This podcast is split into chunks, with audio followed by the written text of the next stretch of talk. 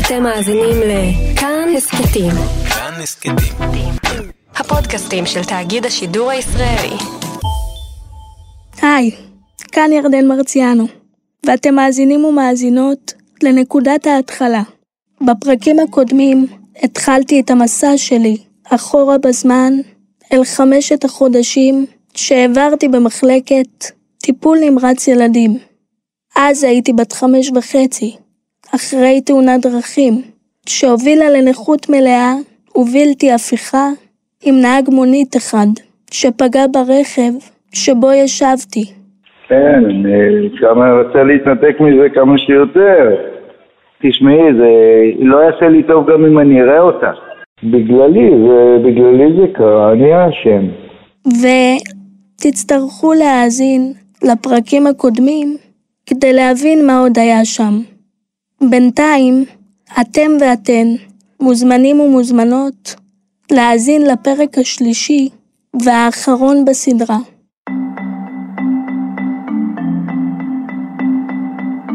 היי, מה שלומך? איזה קטע לשמוע אותך. עברו 15 שנים, כן. אני בת 21 היום, ואני עובדת בתאגיד השידור הציבורי. אני אסביר לך מה העניין. בשנה האחרונה אני סוג של חיה את התקופה ההיא מחדש. ניסיתי לעשות איזשהו ריפוי עצמי, נראה לי. בכל אופן, עשיתי מחקר שלם על הזמן שהעברתי בטיפול נמרץ, בלי באמת לחזור פיזית. אני לא יודעת מי נמצא היום במחלקה, או אם יש מישהו שיודע עדיין מי אני. אבל אני אגיד לך למה אני מחייגת אליך עכשיו. אני צריכה את האישור שלך לחזור.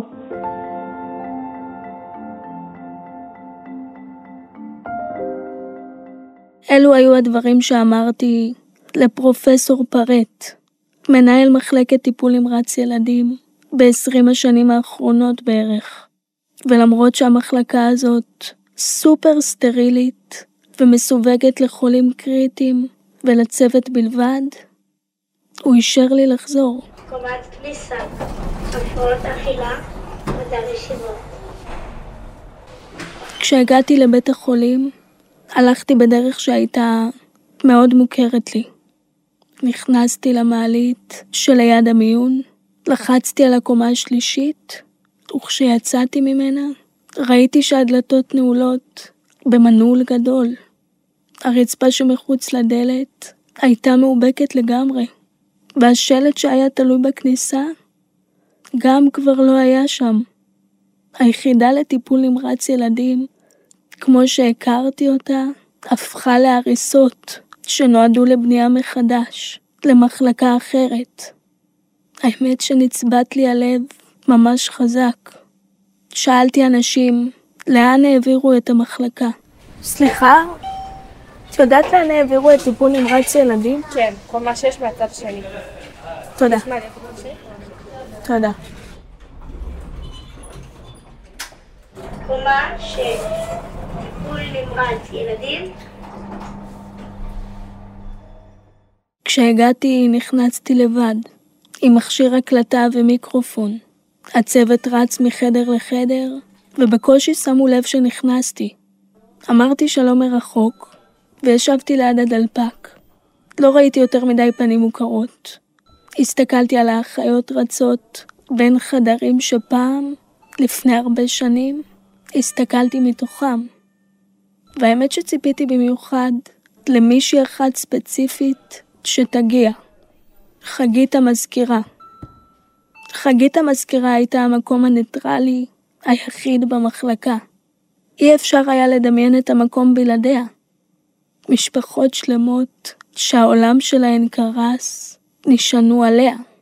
והיה נדמה שהתפקיד הזה לא פחות חשוב משל כל פרופסור שנכנס למחלקה. מלבד הרצון לפגוש את חגית, היה לי רצון נוסף, מטרת על אם תרצו. רציתי לשמוע את הסיפורים שלהן, של גיבורות העל של הילדות שלי. האחיות, הרופאות, הנשים שבחרו במחלקת טיפול נמרץ ילדים וממשיכות לבחור בה גם היום. אני עירית, אני אחות במחלקה שמונה שנים. אני סך הכל אחות 14 שנה. עירית לא הייתה שם כשעברתי את התאונה. הכרנו משהו כמו עשר שנים אחרי, באיזה אשפוז קצר. בזמן שחיכיתי בדלפק, היא יצאה מאחד החדרים, הורידה כפפות גומי כחולות וחלוק נייר סטרילי בצבע צהוב ישר לפח, ובאה לשאול מה את עושה כאן. כשסיפרתי לה היא לקחה הפסקה קצרה, ונתנה לי לשאול אותה למה לעזאזל היא עשתה את זה לעצמה. זה תמיד עניין אותי, תמיד אהבתי את הסדרות של ER ואנטומיה של גריי, וכשהעברתי ערוצים ונתקלתי באיזה ניתוח שכולם היו מסובבים את הראש, תמיד אני הייתי מאלה שיושבים ומסתכלים, זה אף פעם לא הגעיל אותי. היה לי ברור שאני הולכת לעבוד בילדים, אבל uh, בטיפול נמרץ לא... די נמנעתי מזה. למה? בהתחלה, בגלל, uh, בגלל מוות. לא רציתי להתמודד עם זה. זה המשחק הישרדות פה, אתה צריך להיות רגיש כדי להיות מסוגל לטפל בילדים קטנים ובמשפחות שלהם בצורה אנושית, ואתה צריך איפשהו לשים את הגבול בינך לבין עצמך, שזה לא יעכל אותך. זה קצת כמו צבא. זה קצת הרבה כמו צבא. הכי מייחד את המקום הזה שאתה מרגיש בלסט, אתה מרגיש כאילו שיש לך בידיים לשנות גורלות. יש בזה משקל, לחיים שלך יש משקל בחיים של מישהו אחר. סתם כי הוא נפגש בך יום אחד. אני לא יודעת אם עירית הבינה עד הסוף כמה המשקל הזה גדול ונוכח לתמיד, אבל בזמן שחיכיתי שחגית המזכירה תגיע, סיפרתי לה על כל הדמויות שנפגשתי איתן מתחילת המסע הזה, ואמרתי לה שהמשקל הזה גדול יותר אפילו ממה שהיא חושבת. ברגע הזה היא קיבלה קריאה וחזרה לעבוד, ואני חזרתי לדלפק. השעה הייתה כבר 12 בצהריים, וחגית המזכירה עדיין לא הגיעה. זה נראה לי מוזר. אז כשראיתי את עירית שוב, שאלתי אותה, והיא סיפרה לי שחגית עזבה לתפקיד אחר. היה נדמה לי שטיפול נמרץ ילדים שהכרתי התפורר ונעלם. ההוכחות לקיום שלו נפלו אחת אחרי השנייה, ואני לא הייתי בטוחה אם זה משמח או מאוד מאוד עצוב. לקחתי את המספר של חגית ושלחתי לה הודעה. אחרי דקה היא הגיבה והזמינה אותי למשרד החדש שלה. את מאמינה למה הגעת? לא. למה לא? כי אני לא מאמינה. את יודעת שאת מאוד מזכירה אותי? כי התחלתי בתור מזכירה, והיום אני כאילו מנהלת. אבל אני לא מאמינה שאני מנהלת. אני לא מאמינה שיש לי חדר, משרד, מזכירה, אבל את מרגשת אותי בגלל שאני, כשהכרתי אותך בתור ילדה קטנה, כאילו ראיתי אותך במצב כל כך כל כך קשה, ופתאום את באה לראיין אותי, כאילו, את, את מבינה מה זה כאילו? אני מבחינה דתית, מבחינתי זה נס, ויש קדוש ברוך הוא ששומר עלייך. סבלת אצלנו, היית במצב לא קל, כעסת כן. עלינו, קיללת אותנו. היית מותג, את יודעת מה זה מותג? כולם ידעו מי זאת ירדן. כאילו, כולם ידעו, ירדן זה חדר 6, ירדן זה חדר זה, זה להגיע בבוקר למשמרת, לשים את התיק, להגיד שלום לצוות וללכת לראות מה קורה טוב אם ירדן התעוררה, ירדן לא הייתה מתעוררת כל כך מוקדם בבוקר. סיפרתי לה על העבודה שלי ואיזה תהליך משמעותי אני עוברת עם החזרה לתקופת טיפול נמרץ. ואז היא סיפרה לי איך התחיל הסיפור שלה עם המחלקה. סיפור אהבה גדול, שאף אחד לא האמין שיגמר. הייתי שם מזכירה, אבל בגלל שהמחלקה היא כל כך אה, אינטנסיבית, ומצד שני גם מאוד משפחתית, אז איכשהו נתנו לי להרגיש מאוד מאוד נוח במקום שהייתי בתור אה, מזכירה, והייתי כאילו האוזן הקשבת שלהם. הם קראו לי הקיר, כי כל הזמן הם יכלו להישען, כל הזמן הם יכלו לספר. זה היה לי יותר ממשפחה, כאילו, כשהלכתי הביתה רציתי כבר לחזור, וכשיצא מוצאי שבת כבר צלצלתי לשאול מי שם ומה קורה ואיך, וכשהגיע יום ראשון לעבודה אחרי שבת, כל כך כבר רציתי לשמוע מה קורה במחלקה. אני חושבת שכמו שאני אהבתי את העבודה בטיפול נמרץ, אני מאחלת לכולם לאהוב את העבודה. זהו, את לא היית מזכירה. את היית הרבה הרבה יותר. הבית שלי היה כל כך אה, פעיל ושותף למקרים בטיפול נמרץ, שכשהיה טלפון בערב ושאלו אותי איזה שאלה, אז כל הילדים שלי רצו לשמוע מה, מה, מה קרה בטיפול נמרץ, כולם ידעו מה זה טיפול נמרץ, אף פעם לא רציתי לעזוב את זה, תמיד רציתי עוד ועוד ועוד, הייתי מכורה. היא עבדה שם 17 שנים, והמקום הזה הפך ממש לבית עבורה. היא אהבה את העבודה שלה באופן באמת לא רגיל. אני פעם חשבתי שאם אני עובדת בטיפול נמרץ, כנראה שאין לי לב. אמרתי, לא יכול להיות, מה, זה לא משפיע עליי, כאילו? איך זה יכול להיות שאני כל כך מכורה למקום הזה, ואני רוצה לבוא כל עם עוד ועוד ועוד ועוד, ולא ללכת הביתה? מה, איפה הלב שלי? מה, איך זה יכול להיות? מה, זה לא כואב לך? מה, זה לא... וכנראה שאת יודעת, את כאילו מקבלת עוד ועוד מעוד משפחה, מעוד מקרה שהצלחנו, מעוד איזה חיבוק מאימא שאמרה לה אחר כך תודה רבה לפני שהיא הלכה הביתה. זה נותן את הכוח להמשיך הלאה. אבל הדרך של חגית במחלקה היה סוף עצוב שמח. אחרי 17 שנים, היא קיבלה הצעה שאי אפשר לסרב לה. והיא סירבה. כל הזמן אנשים אמרו לי, די, תתקדמי, די, את יכולה קצת יותר, תבדקי וזה, ואני כל פעם אמרתי, מה פתאום, איך אפשר לעזוב את המקום הזה, כאילו, לא, לא, אני, אם יהיה משהו אני אחשוב, אבל אני לא משהו שאני חיפשתי. אף פעם לא חיפשתי עבודה אחרת, אף פעם.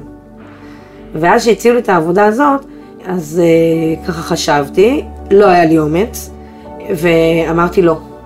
היא סירבה למנהל בית החולים, ובעצם היא סירבה למשרת ניהול שכוללת את כל 15 מחלקות הילדים. לא היה סיכוי שהיא תעזוב את המחלקה.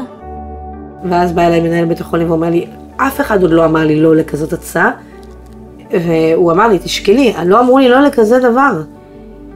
והתייעצתי, והיו כמה אנשים ממש ממש טובים שפרגנו לי ואמרו לי משפטים מאוד מאוד מאוד חשובים. נכון שזה לא יהיה קל כמו טיפול נמרץ, אבל את מסוגלת. טיפול נמרץ זה קל.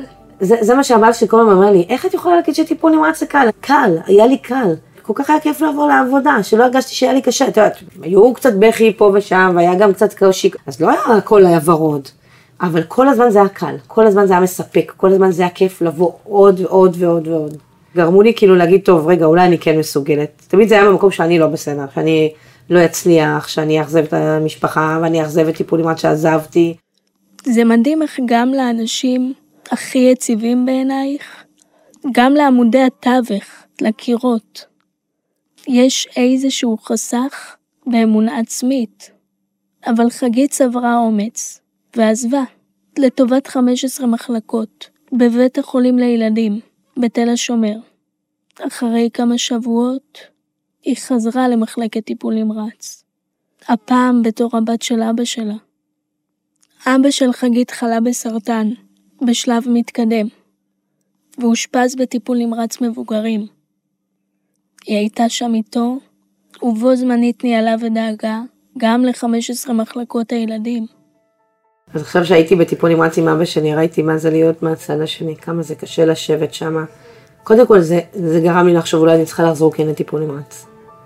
כי נכון שעכשיו אני עוזרת ל-15 מחלקות, אבל עדיין המקום הכי הכי הכי קשה שצריך לעזור זה טיפול נמרץ. וישבתי שם ואמרתי, יואו, איך כאילו עזבתי. כל פעם שההורים היו שואלים אותנו למוניטור, היינו אומרים להורים, המוניטור הוא לא בשבילכם, המוניטור הוא בשבילנו. אבל כשישבתי שם בתור אה, מטופלת, בתור אה, בת של אבא, אז כל הזמן עניין אותי לדעת מה קורה, ולמה הלחץ דם ירד, ולמה הדופק ירד, ולמה זה, ולמה זה, ולמה הסיטואציה ככה. כמה תשומת לב צריך לתת, וכמה סבלנות צריך הצוות הרפואי והסיעודי לתת למשפחות שנמצאות במצב כל כך קשה.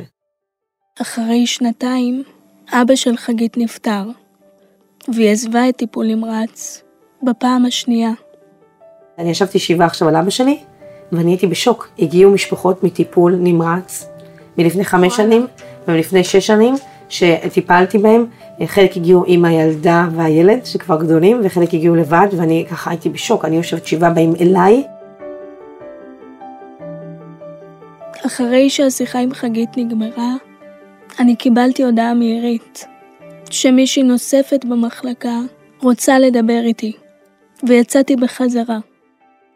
מי שחיכתה לי בדלפק הייתה דוקטור מרינה רובינשטיין, הסיוט של הילדות שלי. דוקטור רובינשטיין הייתה אישה שנויה במחלוקת, לפחות מבחינתי. הפנים שלה תמיד היו חתומות. הסתכלתי עליה בתור האדם הכי רע וחסר רחמים שקיים. אחרי התאונה, כשלא הסכמתי לאכול ימים שלמים, היא נכנסה אליי לחדר עשר ועשתה לי זונדה, שזה בעצם צינור שנכנס מהאף לקיבה ודרכו מכניסים את כל מה שחסר.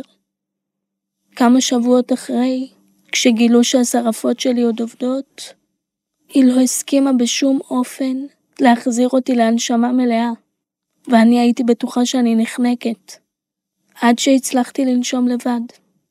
ועדיין, לא יכולתי לשכוח לה את זה. לא את זה, ולא את שאר הדברים שהיא עשתה. אף פעם.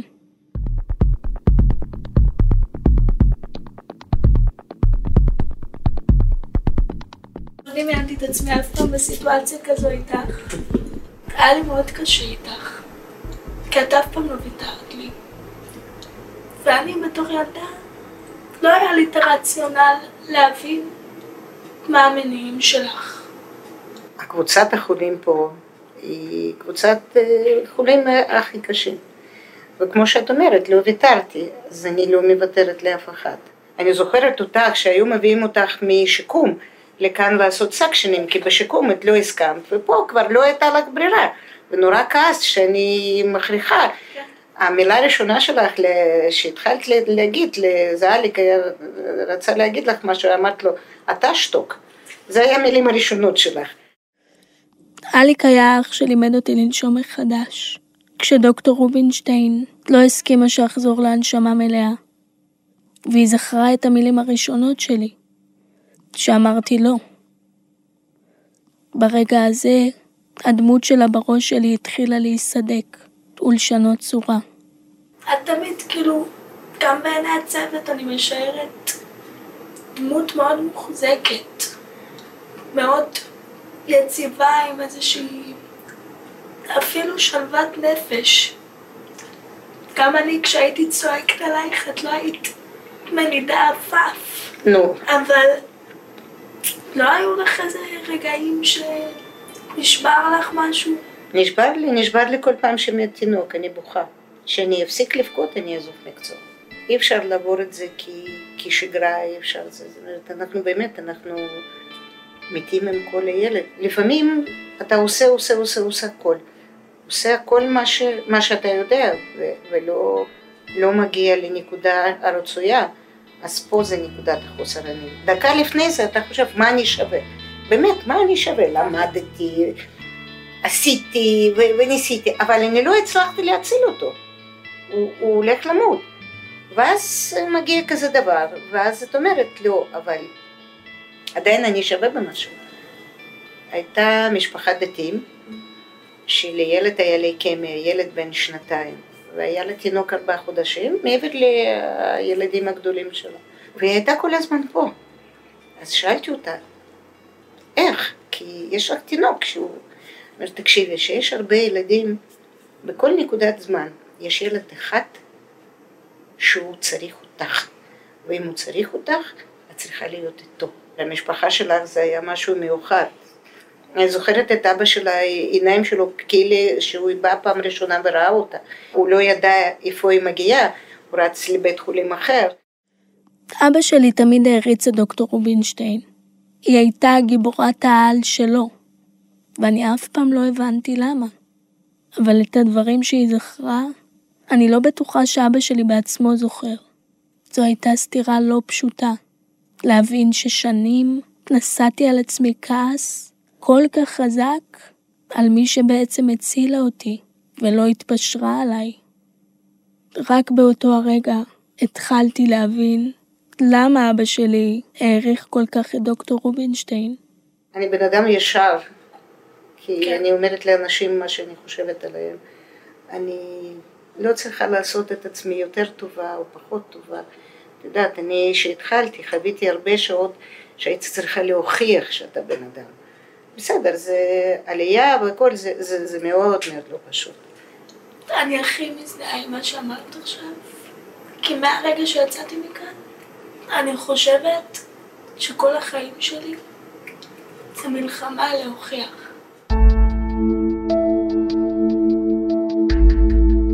נטשתי את תפקיד המראיינת, שהגעתי איתו באותו הבוקר. אני הייתי כבר בחורה בוגרת, ומרינה לא הייתה הרופאה שלי. וזו הייתה הפעם הראשונה בכל 15 שנות ההיכרות שלנו, שאני ומרינה מצאנו איזושהי נקודת השקה. כשאני הייתי ילדה, היא כבר הייתה אחרי כל זה. אחרי הניסיונות להוכיח ולהיות שווה כמו כולם, בלי שהורידו אותה על סמך מי שהיא. אני הייתי לפני זה, ממש מול זה. ישבנו במשרד שלה, אחת מול השנייה, והרגשתי שמשקולת כבדה ירדה ממני. הרגשתי משהו שלא חשבתי שאני ארגיש כלפיה אי פעם. הבנתי אותה.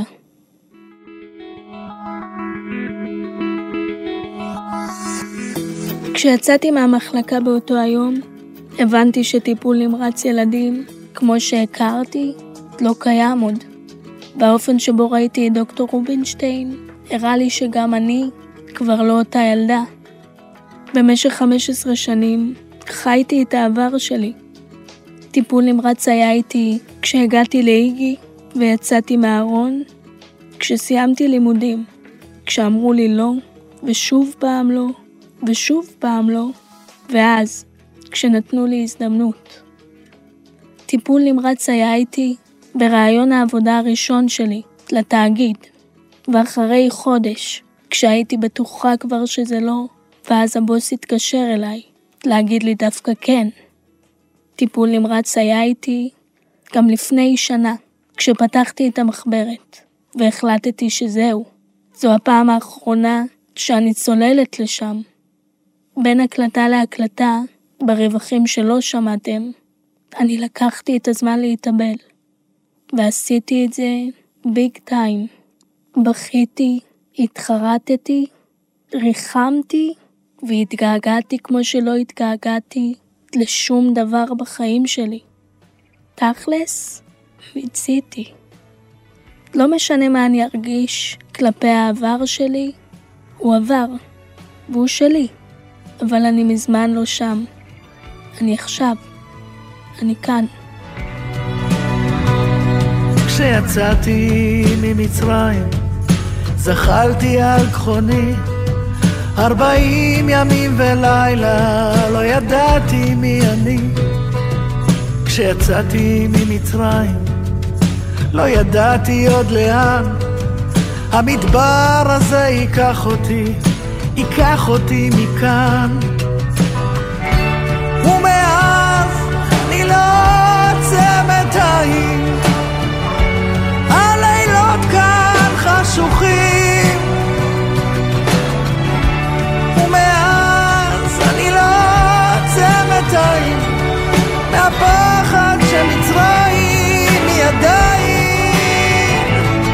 בתוכי. תודה לרומטיק ומאיה קוסובר על הליווי ועריכת התוכן, לדניאל שמר על עיצוב הסאונד, תודה לדוברות בית החולים בתל השומר ולכל אנשי ונשות טיפול נמרץ ילדים לאורך השנים, שהם חלק בלתי נפרד מהסיפור שלי, גיבורי וגיבורות העל שלי, לתמיד.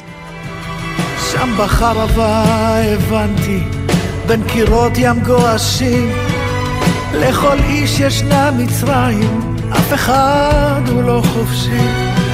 ויצאתי ממצרים, וחציתי את הים, ואולי גם זאת מצרים, ואני נשארתי שם. ומאז אני לא עוצמת עין, הלילות חשוכים. ומאז אני לא עוצמת עין מהפחד שמצרים היא עדיין בתוכי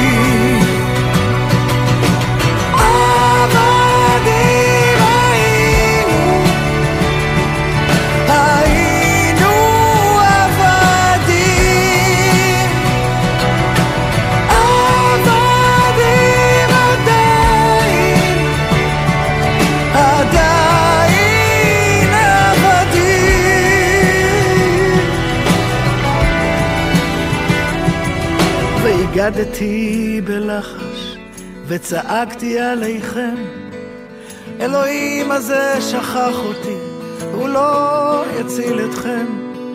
אז השארתי במצרים את ליבי ואת כבודי ויצאתי ממצרים לגמרי לבדי